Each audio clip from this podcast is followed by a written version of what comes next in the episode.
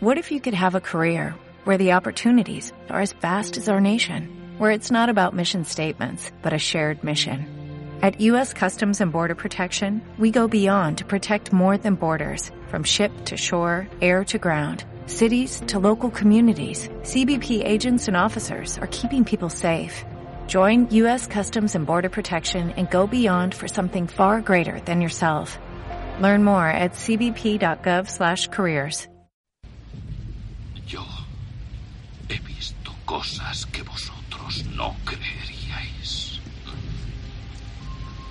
Atacar naves en llamas más allá de Orión.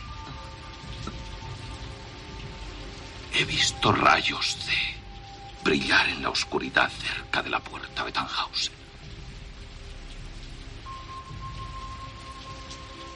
Todos esos momentos se perderán en el tiempo. Como lágrimas en la lluvia. Es hora de morir.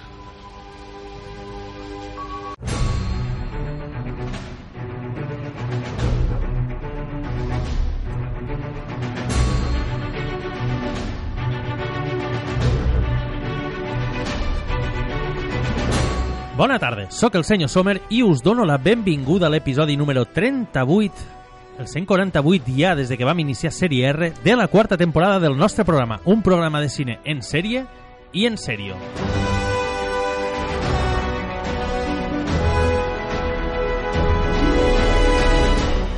Com cada setmana, comencem presentant a l'equip de Sèrie R. Davant meu, un home que sona per al remake del Crepúsculo de los Dioses, Termi! Hola, bona tarda. Bravo. Uh, uh, uh. He dit uh, uh. Has dicho uh! A la meua dreta, un gran home destinat a fer grans coses, Javier López! Oh, Bravo. Uh!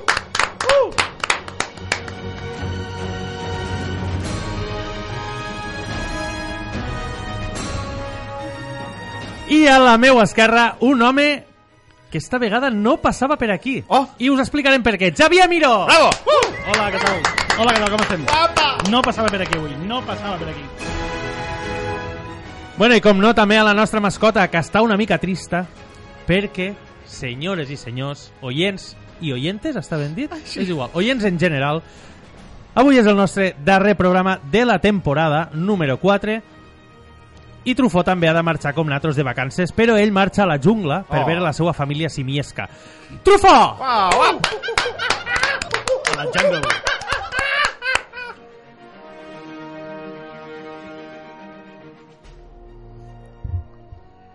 Sèrie R és un programa preparat i cuinat des de Ràdio Ràpida per a la xarxa i per això us volem enviar un saludo ben fort a, a tots els nostres oients de les següents ràdios. Can Albino Lerdola, Mataró Audiovisual, Ràdio Corbera, eh, Ràdio Sant Esteve, Ràdio Voltregà, FM Girona, Olot Televisió, Ràdio Joventut, Ràdio Tortosa, La Veu de Sant Joan, Ràdio Cap de Creus. Ràdio Mora la Nova. I UAU Lleida Ràdio.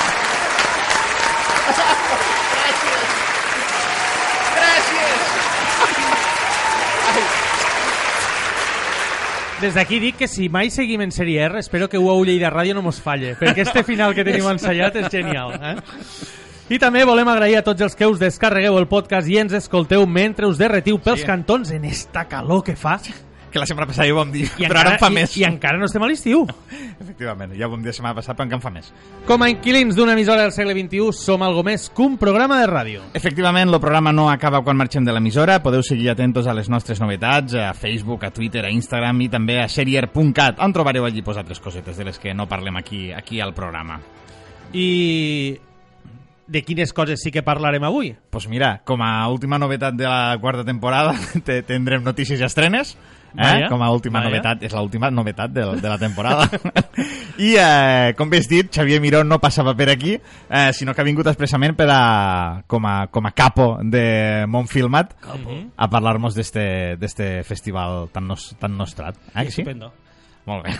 Este festival que, recordem, comença este dissabte dia 29. 29 i s'allargarà fins al eh, 7 de juliol. diumenge 7 de juliol. Sí. Déu-n'hi-do, on passaran, crec que són unes 18 pel·lícules i 29 curtmetratges, vaig bé? 15 i 29. 15 i 29, perfecte, i de les que eh, cap a la meitat del programa fins al final tindrem eh, largo i tendido per a que Xavier mos expliqui les pel·lícules Però no cal que me'n vagi, no? Em puc quedar aquí igualment. I, i, home, i, per- i tant. Ara, si vols anar a fer un cafè, però Ah, no, jo no, prefereixo no. que estigues No, no, aquí estic per a, aquí. Si per a parlar de notícies, Sí, estrenes, sí, etc. sí. De moment, llums, càmeres... Acció!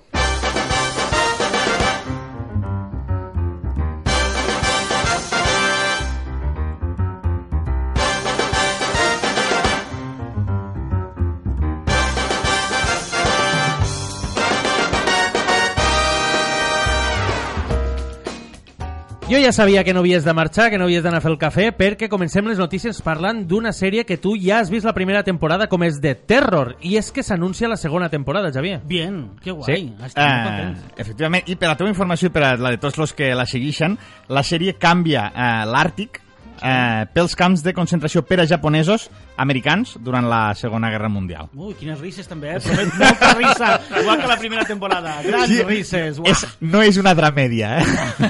Uf, la primera és tremenda, eh? Uf, tremenda, tremenda. Per tant, Recomanable? molt recomanable. Però és, és d'aquelles sèries que no és tan recomanable per, per algo en concret, sinó per l'atmosfera que, que et crea. És una sèrie que crea molta atmosfera i molts tocs. Jo en algun moment vaig recordar al, al Lost, tot i que és salvant les distàncies, eh? Mhm. però té algun moment així com molt enigmàtic de no entendre res que t'estan ensenyant perquè hi ha bastanta cosa mm, delirant. Però fe, fe, fa honor al seu títol o...? Sí, bueno, no, no, a veure, no, no, no. no. És, és de terror per la situació, no és que I- sigui de i perquè terror. un vaixell se diu de terror. Lo vaixell, Ah. La història original seria Ah, de és, com, terror. és com Titanic.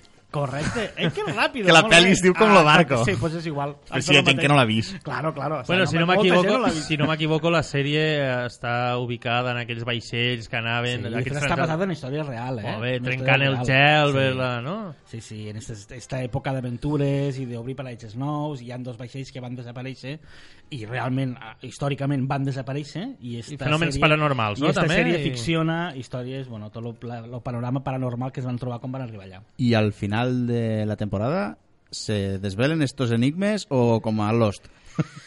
Mm, en part sí, en part no. O sigui que no És és tancada arriben a del un punt, tot. arriben a un punt delirant que és molt difícil tornar atrás. Eh? Quan arriben depèn de quin moment és, di- però és igual, si connectes i entres ja t'és igual que realment no t'ho resolgues. Jo sóc dels que, encara que no m'ho resolguessin los, A mi, estic a, encantat jo, en ella. jo estic d'acord en tu. Jo a vegades penso que el viatge és realment el que, Sí. lo que val la pena en, No, no, en i depèn estàs quines molt, de, estàs molt de viatge. Realment és el procés i, i el trajecte que no pas la resolució i tant. Molt bé, un, passem a, saltem a una notícia molt important i que pot portar cua i polèmica perquè Mm. el govern espanyol estaria preparant una taxa per a HBO i Netflix. Sí, eh, Netflix acaba d'anunciar una pujada de preus, la segona en dos anys, per a, per a la gent premium, per a, no, no del bàsic, crec, sinó dels, del mitjà i del, i del premium, i, eh, i sembla ser que el govern de, de Pedro Sánchez, de moment en funcions, i sembla ser que si no passa res eh, continuarà, està sondejant per a crear una taxa per a les plataformes digitals que operen a Espanya. Eh, sona una mica import revolucionari perquè aquesta taxa diuen que servirà per a financiar Radio Televisió Espanyola. Eso es una miqueta com... Que xulo, ¿no? És, sí, Como atado y bien atado, qué bonito. és, és, no después, sé, Está eh, muy bien. eh, después del, del impuesto del sol Sí. llega ¿eh? el impuesto de, los De los empresas creadores, extranjeras que vienen a Sí. nuestro país. De los mismos creadores. Molt bé. Sí, sí. Eh, visto por más de 10 millones de persones, no? De espectadores. Eh, bueno, això, jo no, no, no vull... És una cosa que no se sap... O sigui, estan sondejant... És molt cutre, no? Estan sondejant per a veure si creen la taxa. O sigui, se pot quedar en no res. Vale? Però sembla ser que ja està començant a... Sa- sa- e- Economia ha començat ja a, a moure's això per a veure... Què economia? Eh, Obrim un change.org. I tant, home, ja, Això ja ho hem de tirar en terra. Ja tardem, ja tardem. Vaig a obrir-lo ara. Eh? Vinga, comencem a tuitejar en contra d'això, que segur que, que es talla. Sí. Bueno, passem a altres coses, i és que han hi hagut problemes per a la filla de Iron Man, i és que està rebent bullying a... Ara mos ho explicarà Termi. Sí, la, la, la, la, que, la que fa de filla de, de Tony Stark a, a Vengadores Endgame Ah, no, no la real. No, la filla, Ah. parlem de filla de Tony Stark, no de Robert Downey Jr. Vale, vale, vale. A pesar de que No a són la vegades, mateixa a persona? No, a vegades se confonen. Sí, i és que la fama no ve sempre de la millor manera i eh, Lexi Rape, la, la jove actriu de, de 7 anys, uh, sembla que, els, que ha, lo, o sigui, els pares han tingut que fer un comunicat per a que la gent pues, deixi de, de, suposo que és un acoso sano, un acoso este de, de fan, de gent que, que s'ha fet fan de la, de la xiqueta, que ara no m'està sortint el nom del, de, del personatge, que no, del, del, de la xiqueta, com se diu. Ah, no ho recordo. Ah, no, no, ah, no recordo el nom. La xiqueta Stark. Sí, però es diu eh, Morgan, Morgan Stark. Ostres, detallasso, Eh, detallasso. Morgan Molt bé, Stark, no? sí senyor. Hosti, que crac. Per, per, perquè és fan de, de, de Morgan Freeman, suposo, i li posa Morgan. Ah, eh, de fet, de fet eh, ha de ser una mica el que tu dius, no? No, no quiero tener más amigos, dejarme, no? Clar, suposo que deu ser una llau de, ah, jo què sé... De carinyo. sí, Mireu sí, de sí. carinyo, és la paraula, sí.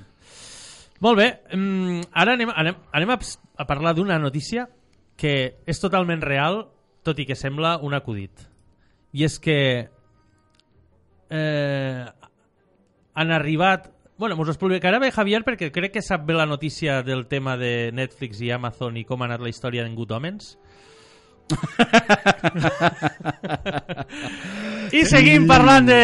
Té, té, té, té bona pinta. Sí, sí, sí. La, la, no sé si, si és la que me penso... És la que te penses, Sí, sí. no? Eh, un grup eh, ha creat un Change.org per a demanar que cancelen... Eh, un grup religiós ha, demanat, ha fet un Change.org per a demanar que cancelen Good Omens de Netflix. Com tots sabem, la, Good Omens és una sèrie d'Amazon Prime. I Amazon Prime ha dit que... Eh, no, i Netflix ha dit que la cancel·laria quan Amazon Prime cancele una de les sèries que té eh, agafada. és, és una miqueta delirant. Sí, de fet, de fet eh, ha sigut Amazon qui ha respost a Netflix dient-los que estaven d'acord si ells, eh, en cancel·lar És que- si ells cancel·laven Stranger Eh, Things. Sí, perquè, perquè Netflix va agafar eh, l'enllaç de la, de la, d'esta plataforma que volia això, ho va compartir i va dir, ok, no en farem més.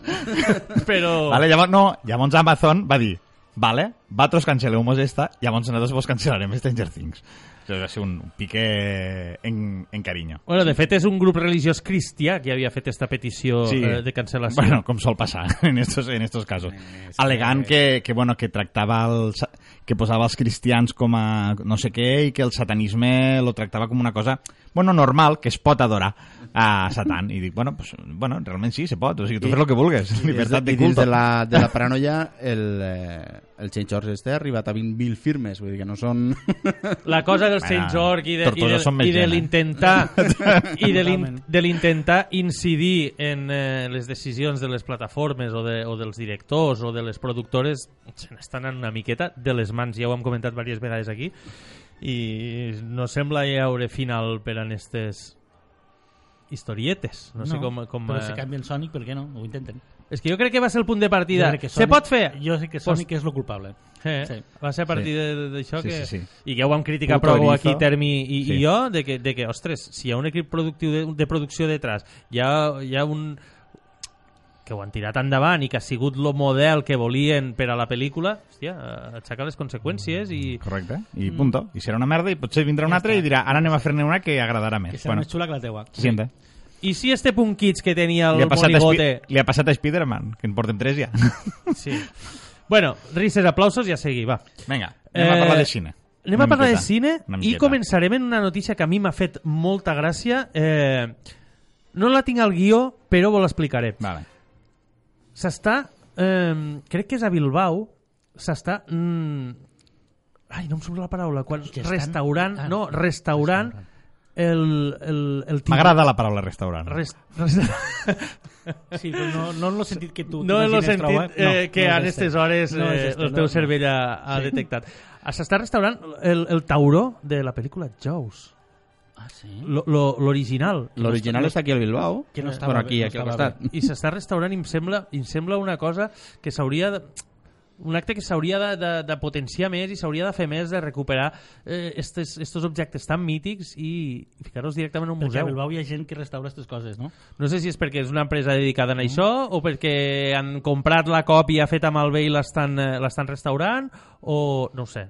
Però una peça original d'una pel·lícula tan mítica que, estigui, que l'estiguin tractant com una obra d'art, a mi és que m'agrada, m'agrada. Jo recordo quan vaig estar al Saló del Cine i les Sèries a Barcelona que tenien exposada l'espasa original de Conan Mm -hmm. i la tenien... El del bàrbaro, no? Sí, el ah, Barón, vale, no el detectiu.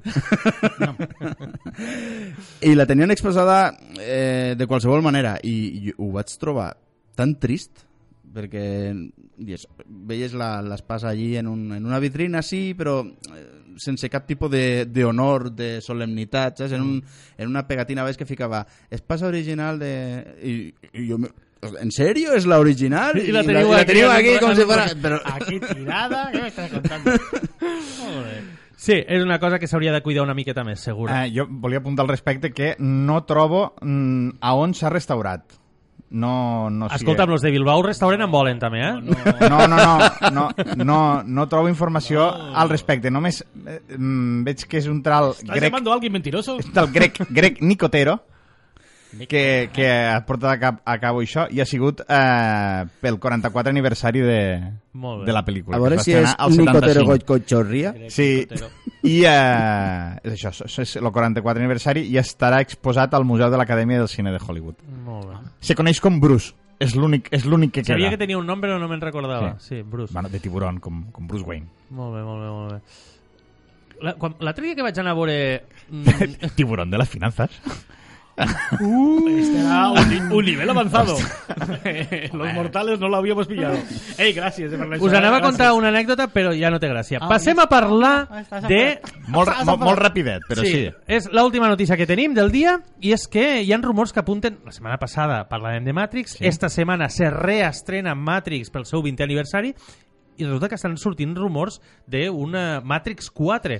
Eh, de fet, el projecte contaria en Zack Penn, que és eh, responsable de X-Men, la decisió final, o de Ready Player One, Mm. i eh, Ja, ja està revisant borradors de està revisant borradors per a, per a un Matrix eh, quarta parte.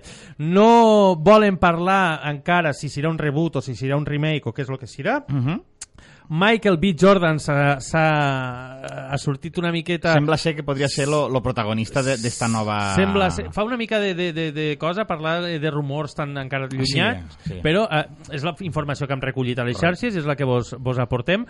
I tindríem també el retorn de Lana Wachowski, que ja va dirigir l'especial de, de Nadal de, de Sense8. Sí, després d'un temps sense, sense dirigir, eh, va fer això. I bueno, sembla ser que, que ella, del, de les dos germanes Wachowski, és l'única que de moment estaria dins del, del projecte. Este. Molt bé. Bueno, doncs fins aquí les eh, notícies. Molt bé.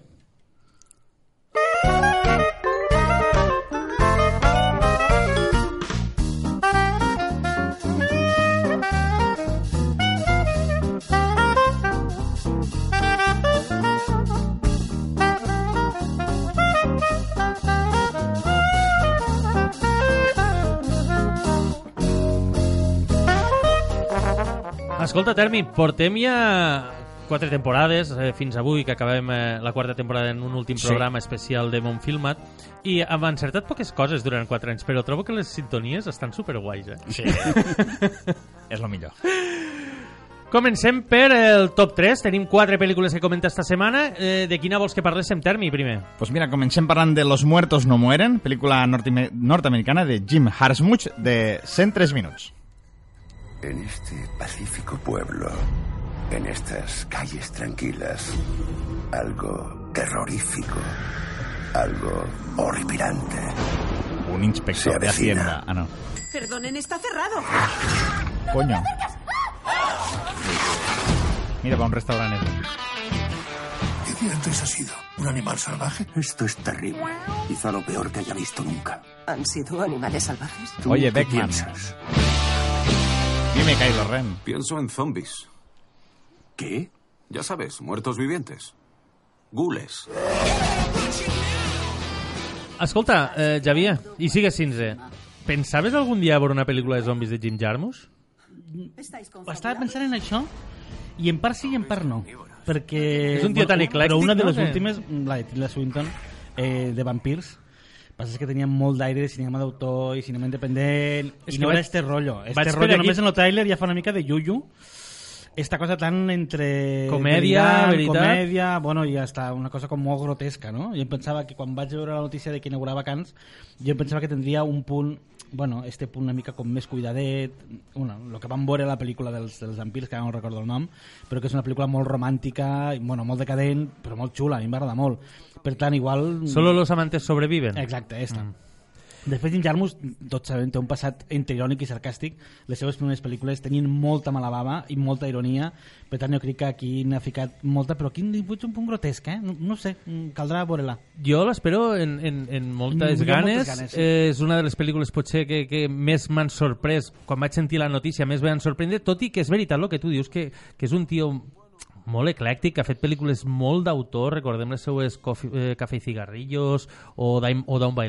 Sempre té un punt elegant, la paraula és. Sí. I aquí sembla que se l'hagi aparcat una mica, no? Dead Man, recordem, i, inclús quan s'ha tirat al, al rotllo serio, de, ha fet una pel·lícula en Forrest Whitaker de, de samurais. Mm. O sea, eh, és, és un tio que per, en part sí que, que sorprèn una mica zombis, comèdia i este rotllo però no, no és cap bogeria sí, exacte, Sí. Fred a Flores Rotes ja era un, un humor així bastant negre Sí. i no sé Eh, passem a parlar una miqueta de la pel·lícula, del que, del que mos, mos aportarà esta pel·lícula. De fet, és, mm, mos expliquen que en una localitat pacífica de, de Centerville passa una cosa estranya, és que els animals comencen a comportar-se de manera estranya, les hores de llum solar canvien de forma molt eh, poc habitual i la lluna vigila permanentment des de l'horitzó. Els científics estan preocupats i els informatius donen eh, notícies molt desconcertants i és que una estranya invasió està a punt de succeir en la que els morts ja no estan morts. bueno, s'aixequen de les seues tombes, com és habitual en este Lo tipus de típic, pel·lícules. lo típic. I, eh, i bueno, hi ha un líder que és el, eh, el Adam Driver, tots eh, lo recordareu me recordaréis por películas como Star Wars o Patterson o, o moltes d'elles I, eh, i el seu company Bill Murray que en este cas se diu Cliff Robertson i que hauran de tenir eh, hauran de, de tenir esta amenaça I salvar la humanitat, i suposo. salvar la humanitat Caramba. i lluitar per a sobreviure ells mateixos.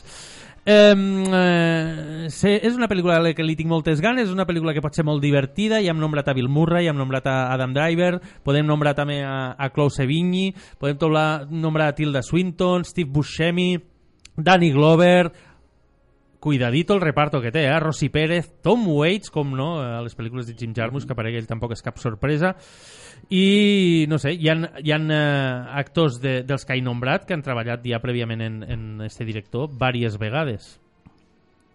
Mm, Sí. a- Algú vol afegir alguna coseta més? Jo, Sí. que, que hauríem d'anar tirant milles. Ah, jo, eh, veient la temàtica i Bill Murray, el primer que me ve al cap és Zombieland.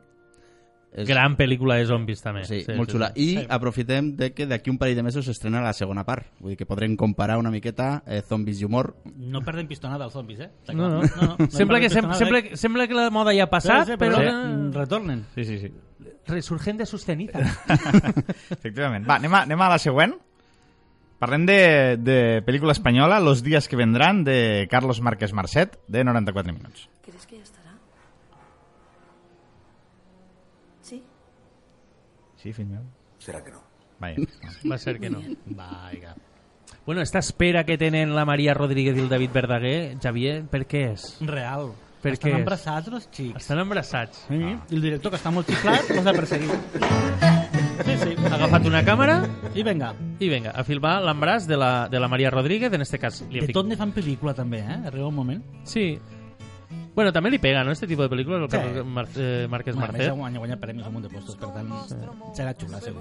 Este, este tema així d'autor i de, de una mica semidocumental i, Sí, i tal. docuficció, que diguem. Bueno, és, és, és la pel·lícula és això, que descobreixen que estan embarassats i durant nou mesos seguim l'aventura d'esta parella barcelonina i eh, en lo, seu, lo típic, els seus... Una miqueta... Mira, mira lo que has hecho. Mira lo que has hecho, pero, pero en plan en plan guay, en plan serio. Mira lo que has hecho, recordeu que és la sèrie De- eh, de Ber- de Berto semidocumental Romero per a també Movistar, de, sí. de Berto Romero. I eh, dic que és la tercera pel·lícula en la que treballen junts el director i David Verdaguer, després de Terra Ferma i 10.000 quilòmetres, dos pel·lícules a reivindicar moltíssim també, i que ha guanyat premis, com bé dia Javier, a molts de llocs, com per exemple la Vinaga d'Oro, de nhi Seguim? Molt bé, anem a parlar ara de- d'un altre... Bueno, després de It, de fet dels propis productors, eh, dels mateixos productors de It, torna Muñeco Diabólico, pel·lícula nord-americana de Lars Klebberg, de 90 minuts. Oh, música de moreta. En Caslan, Creemos que la felicidad no se consigue solo con la diversión.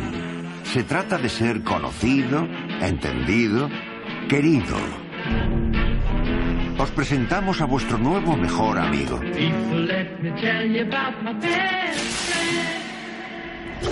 És, és una fórmula que funciona, no? Una miqueta lo, lo terror i, combinat amb la comèdia. A mi, a mi, a mi me mola.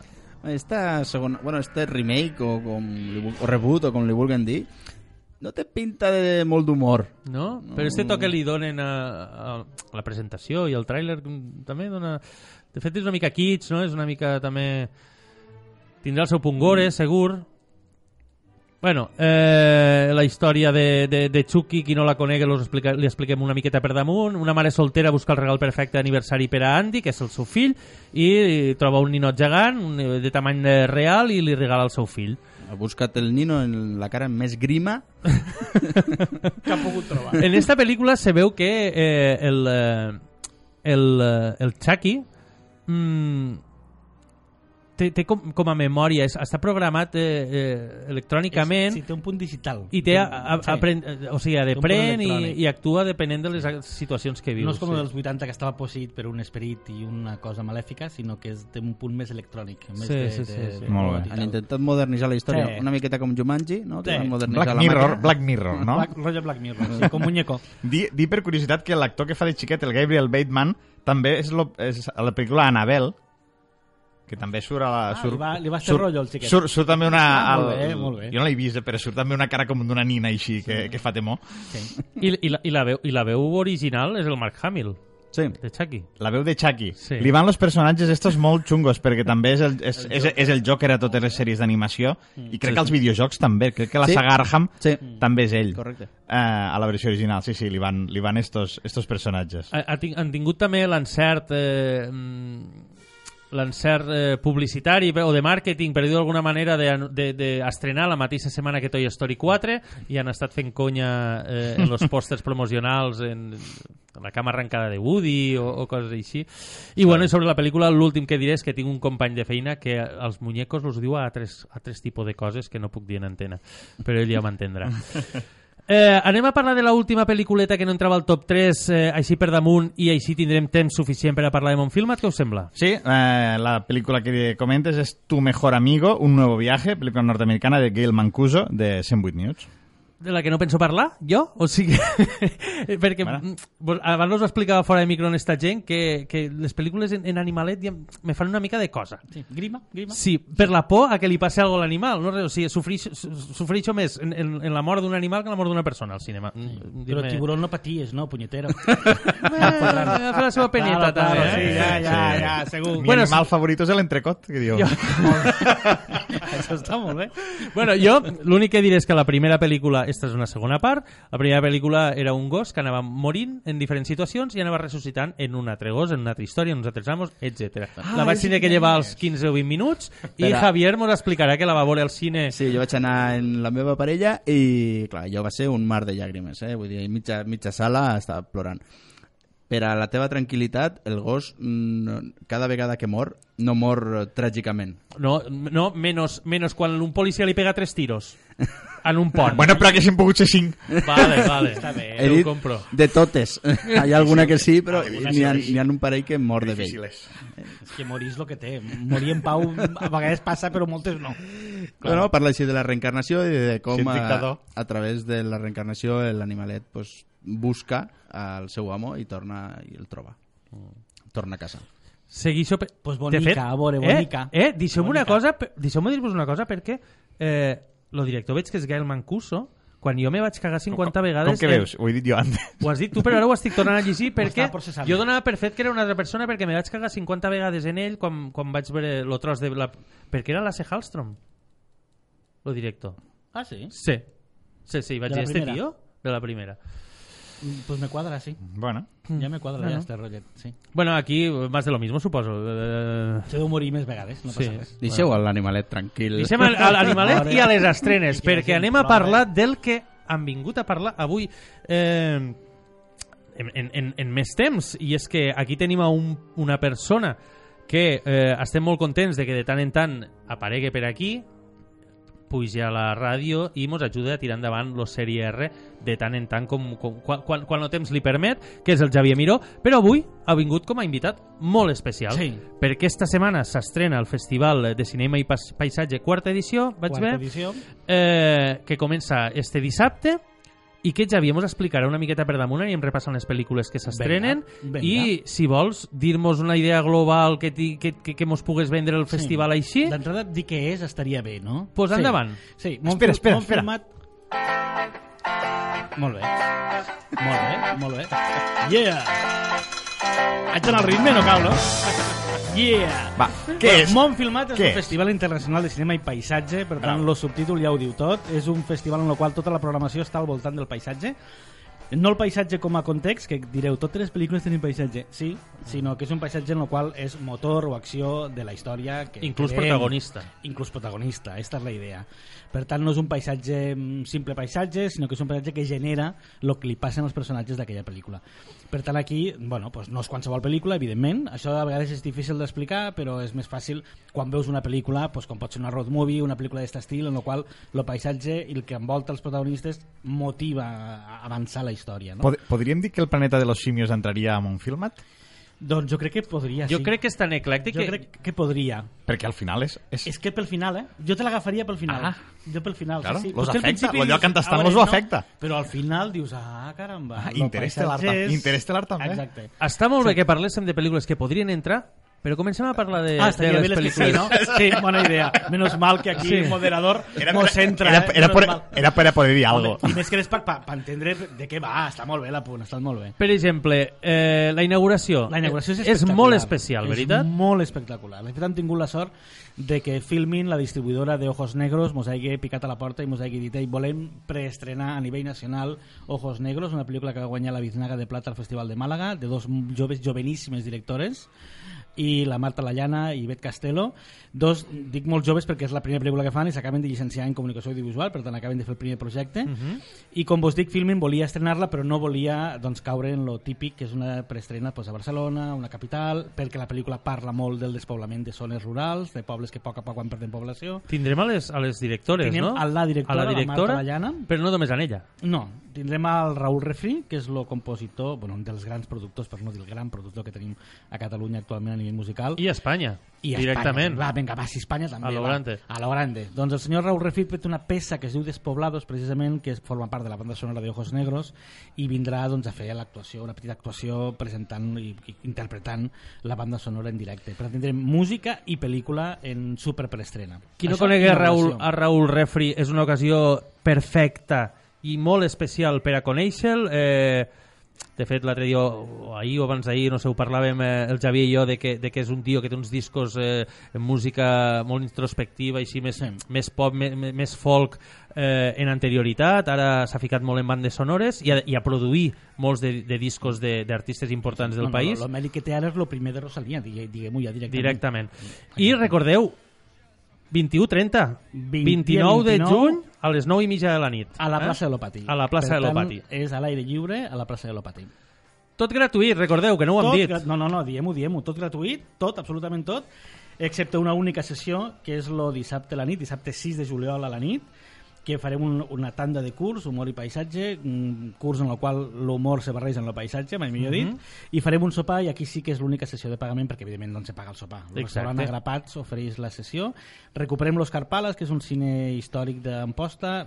No, no és un cine, continua no sent-ho, però sí que l'habilitarem per a poder fer esta projecció i poder també fer sopar. Per tant, soparem mentre veiem la projecció. Molt bé, però tirem atràs. Eh, després de la inauguració, us arriba el diumenge. El diumenge tenim eh, tres eh, cites Sí.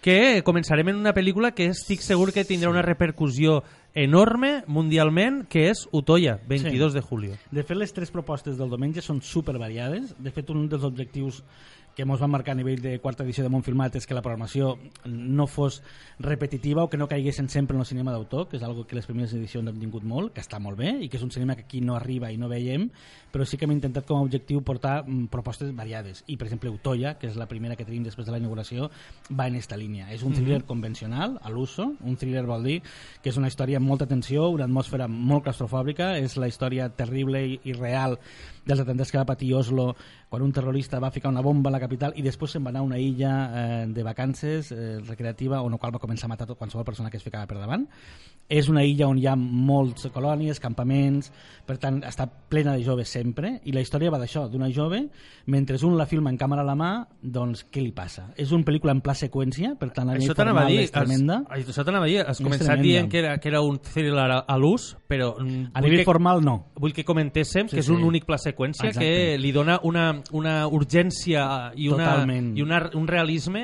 i una angoixa a l'espectador que, que te fa connectar des del primer minut. De fet, el primer minut és la xica explicant-li a la càmera doncs, el que està fent allí i de cop comencen a sentir trets i a partir d'aquí comença la pel·lícula i tota la pel·lícula no la deixem mentre s'amaga, mentre eh, corre, mentre fuig, mentre veu com la resta de companys són assassinats pel terrorista i al final, que és un final tremendo, que només pel final ja és que és tremenda la pel·lícula, per tant val molt la pena i us animem a veure-la perquè realment és una pel·lícula que, com vos dic, surt una mica de la resta de programació. Això serà diumenge 30 al casino eh, a les 6 de la tarda.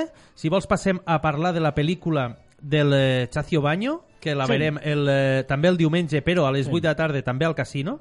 Esta, com vos dies, són tres propostes molt diferents perquè la de Trote, en la de Sacio Baño, és un film debut, és una òpera prima, però és una òpera prima molt madura, molt. Esta sí que és el cinema d'autor que dia abans, convencional o clàssic, en la qual és una història molt intimista, però que és capaç de lligar-ho al paisatge en quant que mos parla d'una tradició mm, de certes poblacions gallegues que és de, de tallar el cabell als cavalls eh, bueno, salvatges, això en viu en directe, no? És com una tradició d'estes ancestrals i això lliga molt en la història en quant que parla d'una família en un seguit d'històries del passat que reviuen, però que reviuen de forma silenciosa. Per tant, és d'aquelles pel·lícules uns silencis brutals, eh, molt contundents, i que parla d'això, de relacions familiars, però sempre en un entorn com molt folclòric, com molt de població rural, com molt tancada, com molt hermètica, i això li dona l'encant particular que ha aconseguit Chacio Maño. No tindrem el director perquè no ha pogut vindre, però sí que tindrem a Sergio Frade, que és un dels productors, Molt que bé. com sabeu han filmat, a part de la projecció el que intentem és que hi hagi un component de, de, de participació en quant a qualsevol membre de l'equip que pugui fer no només la presentació, Un valor afegit a la Exacte, pel·lícula. i que no només presente sinó que després al final la gent pugui interactuar i pugui parlar i pugui preguntar el que lo neguit que tingui no? és el que entenem per espai debat que qualsevol projecció intentem que la tingui en major o menor mesura Que bonic, això és molt difícil d'aconseguir, però és molt bonic quan, quan es produeix Sí. i, i hi ha un feedback entre... i quan tens anys anteriors que veus que, que funciona llavors és fantàstic perquè realment la gent se presta quan realment connectes en la pel·lícula a preguntar coses que en aquell moment o perquè per vivències personals jo he vist preguntes de, de que connecten en el que a mi em va passar fa uns anys i hosti, aquí ho he vist reflexat o el problema que estic tenint ara a nivell familiar aquí ho veig reflexat i tenir la directora per a bueno, fer esta, este frontón o este diàleg la veritat és que està molt Sí, bé o simplement curiositats que us sorgís Sí, sí. Que, pel visionat de la pel·lícula. Sí, sí. I passem a les 10 de la nit al mateix lloc, al casino, el Quino Tarragoni, que este Sí. nom eh, tan, tan, Quino Tarragònic. tan potent, què, què és Sí. Quino Tarragoni? Quino Tarragoni que és un projecte que va néixer en Montfilmat. Montfilmat la primera edició va ser el 2016 i Alegre, Priscila. Priscila Alegre és una xica molt innovadora que va agafar esta idea, esta idea ve del Canadà, del Quino Cabaret, és una proposta internacional, va néixer allà al Canadà i s'ha estès arreu del món. I el que fa Quino Tarragoni, que és com una mena, diria gincama, tot i que a ella jo crec que li agrada molt que ho digui, però realment és una gincama, el que fan és unir persones que no es coneixen de res durant 54 hores, per tant conviuen i viuen junts 54 hores i han de ser capaços de crear, de realitzar un curtmetratge. D'un temps limitat, no? Exacte. No, no, no tenen temps limitat, eh? No? no, aquí no. Aquí el que és limitat és el temps que fer per fer-lo. Per tant, Vale. no dura molt perquè no tens temps per fer-lo tan llarg.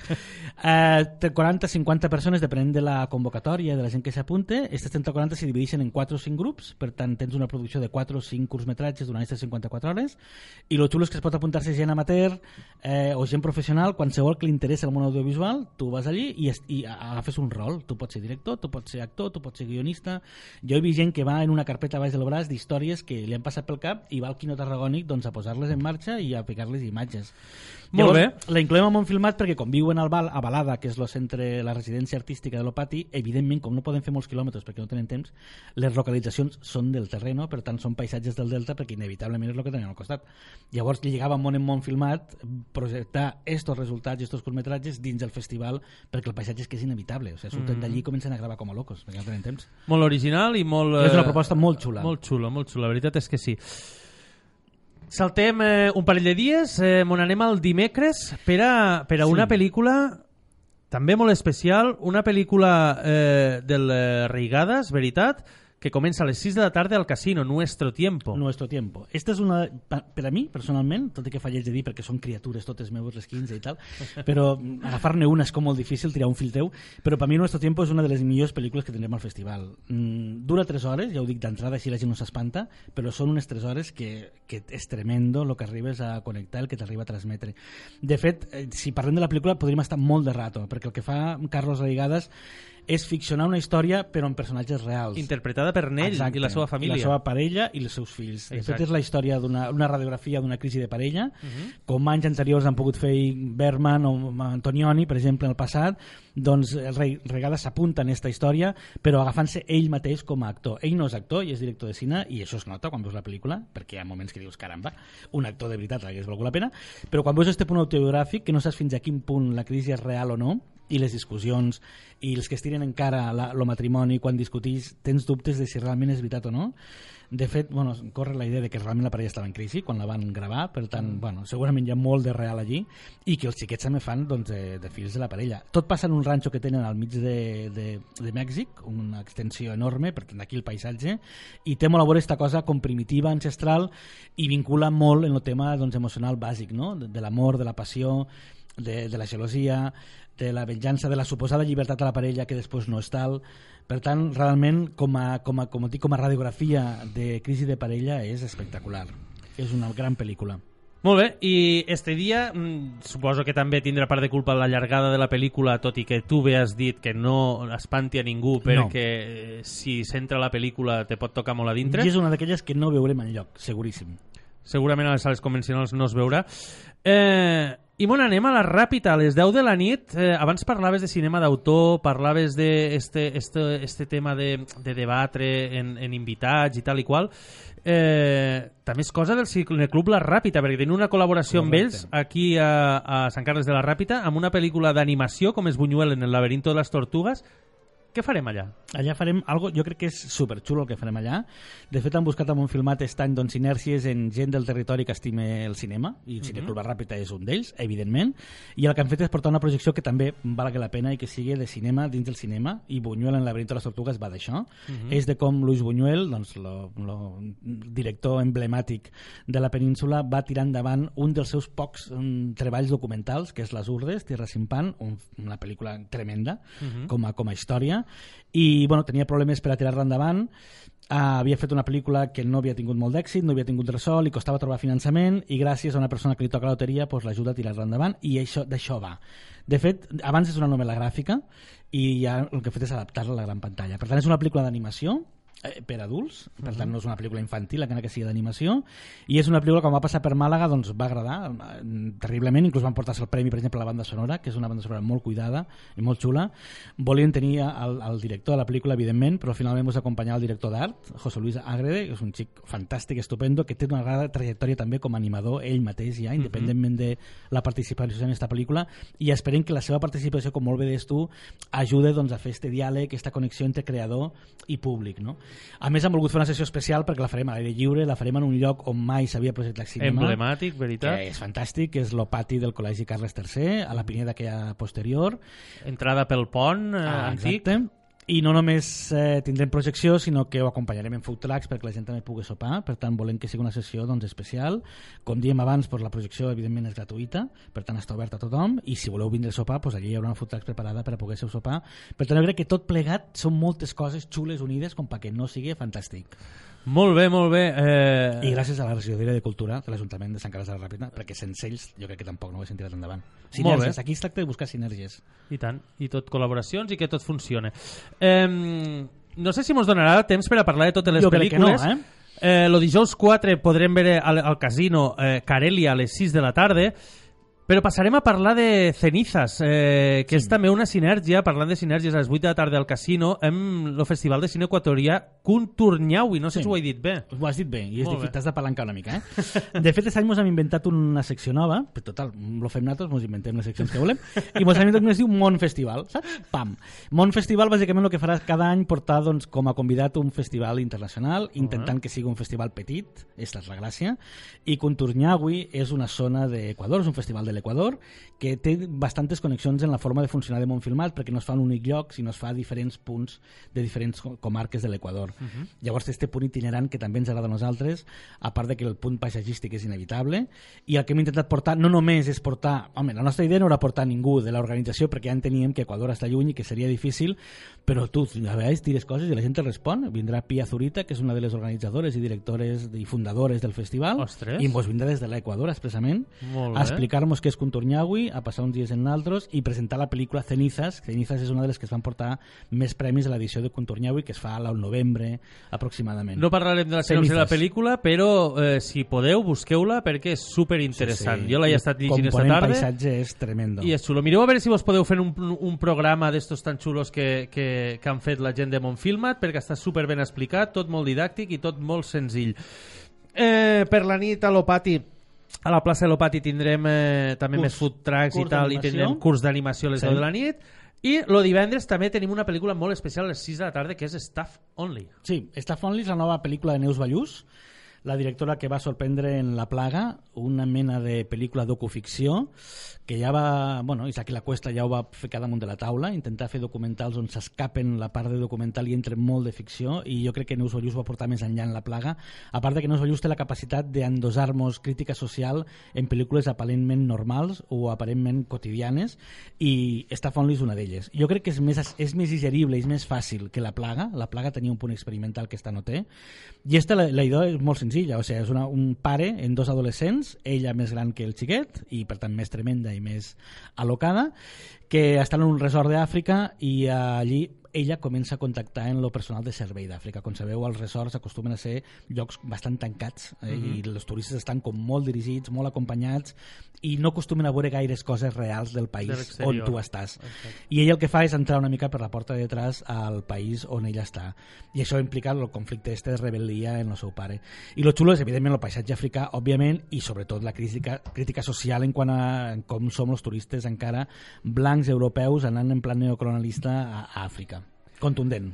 Passem a les 8 de la tarda. La ciutat oculta és un documental Esta super, cosa molt raruna. Super perquè- raro, perquè però és molt raro. super interessant. Eh, Sí. Lo tema paisatge portat a les cloaques de Madrid. Exacte. De fet, La ciutat oculta és un documental de Víctor Moreno que el que fa és això, és portar-nos pel, viatjant pel subterrani de Madrid i quan diem subterrani és, entra tot des de clavegueres, metros, a qualsevol tipus de construcció que hi hagi sempre al subsol. No sortim mai del subsol i això dit així és molt raro perquè no té història, no té guió, no té res, I senzillament. però en pantalla gran ha de ser I increïble. el que ha cuidat molt Víctor Moreno és el so, el i el so. so sobretot, perquè el so, les gotes d'aigua, eh, el metro, tot té com una mena de sinfonia, mai millor dit, en quant a sons, que, bueno, si connectes, nosaltres al programa parlem d'hipnòtic perquè realment té un component hipnòtic, perquè ja la imatge està molt cuidada, però és que el so és ideal. Bueno, i tornem a sortir després d'anar a la Ràpita, on anem al Poble Nou a les 10 i mitja. Tenim gràcies per la pluja, també en food trucks i poder sopar allí, ah, veient la pel·li i tal. És la segona sortida que fem. Després de la Ràpida anem a Poble Nou i aquí és una altra sinergia dels que parlem. Cada any Montfilmat té un... Lo divendres sempre l'adrecem al Docs Barcelona i realment a Poble Nou tindrem la projecció d'un documental molt interessant que tracta molt el medi ambient. Molt bé, eh, mos queden el dissabte i el diumenge, eh, de matí eh, uns curtmetratges a les 11 del matí, per la tarda hi ha una taula rodona en... Eh, gent del territori, en gent del terreno, Manel com per exemple... Pau Itarte, Exacte. Lucía Alemany, la Marta Vinya... On se parlarà de... Del drama, mai millor dit, espero que diguin alguna alegria, però bàsicament són els drames de ser realitzadors al territori i com te n'has de marxar perquè realment és molt difícil. Aquí i a la resta de Catalunya, no ens enganyem.